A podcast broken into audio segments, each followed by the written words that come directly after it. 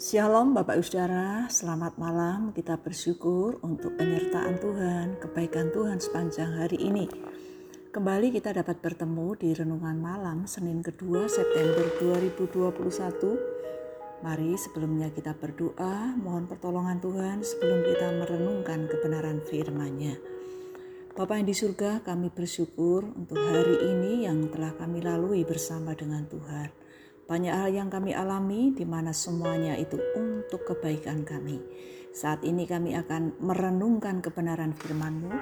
Kami mohon hikmat Tuhan membuat kami mengerti seperti yang Tuhan mau kami mengerti dan melakukannya seperti yang Tuhan kami mau lakukan dalam hidup kami. Berbicaralah ya Tuhan, kami siap untuk mendengar. Dalam nama Tuhan Yesus kami berdoa. Amin. Mari kita bersama memperhatikan dari Injil Markus pasal 7 ayat 31 sampai 37. Demikian bunyi firman Tuhan. Yesus menyembuhkan seorang tuli. Kemudian Yesus meninggalkan pula daerah Tirus dan dengan melalui Sidon pergi ke Danau Galilea di tengah-tengah daerah Dekapolis. Di situ orang membawa kepadanya seorang yang tuli dan yang gagap dan memohon kepadanya supaya ia meletakkan tangannya di atas orang itu. Dan sesudah Yesus memisahkan dia dari orang banyak sehingga mereka sendirian, ia memasukkan jarinya ke telinga orang itu. Lalu ia meludah dan meraba lidah orang itu. Kemudian sambil menengadah ke langit, Yesus menarik nafas dan berkata kepadanya, Evata, artinya terbukalah. Maka terbukalah telinga orang itu dan seketika itu terlepas pula lah pengikat lidahnya lalu ia berkata-kata dengan baik. Yesus berpesan kepada orang-orang yang ada di situ supaya jangan menceritakannya kepada siapa pun juga. Tetapi makin dilarangnya mereka, makin luas mereka memberitakannya. Mereka takjub dan tercengang dan berkata, ia menjadikan segala-galanya baik yang tuli dijadikannya mendengar, yang bisu dijadikannya berkata-kata. Kita akan merasa kagum, heran, takjub kepada Tuhan yang selalu memberikan pertolongan tepat pada waktunya ketika sedang mengalami persoalan.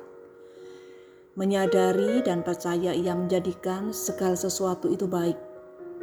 Pada waktu itu orang banyak membawa seorang yang tuli dan gagap kepada Yesus untuk memperoleh kesembuhan. Mereka melihat Yesus memasukkan jari ke telinga, meludah, meraba telinga tersebut. Hal ini menunjukkan bahwa Yesus memakai sarana atau alat untuk menyembuhkan. Yesus tangannya menengadah ke langit, berkata kepada orang tersebut, "Evata," artinya terbukalah.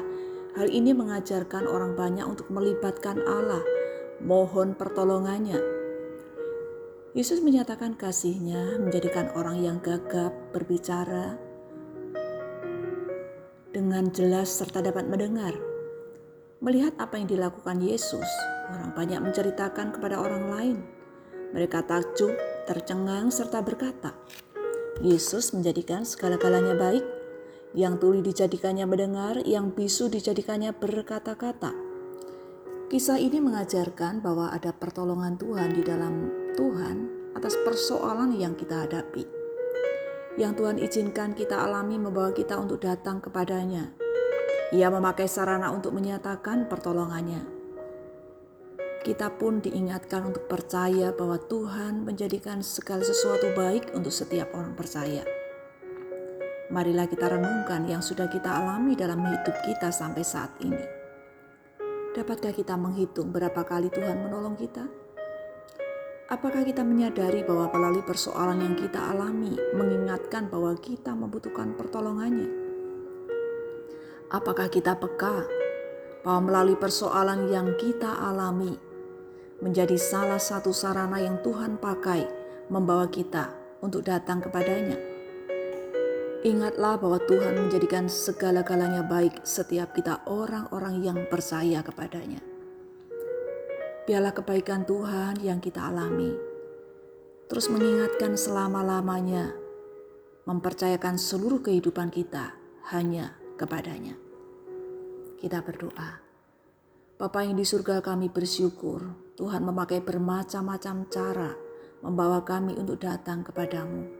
Kami bersyukur kembali diingatkan bahwa segala sesuatu yang kami alami itu baik Diingatkan bahwa Tuhan memakai macam-macam sarana untuk menyatakan pertolongan.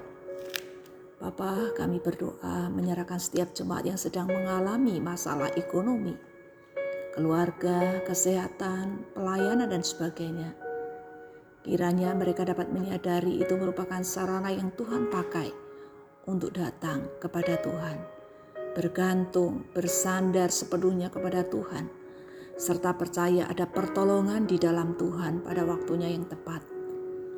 Bapa yang di surga, kami menyerahkan istirahat malam ini dalam pemeliharaan dan kasih Tuhan yang sempurna. Kami percaya dengan pertolonganmu esok hari kami dibangunkan untuk kembali menjalani hidup sesuai dengan rencana Tuhan. Pakailah setiap kami dapat menggunakan kesempatan yang masih Tuhan berikan untuk hidup berkenan di hadapan Tuhan.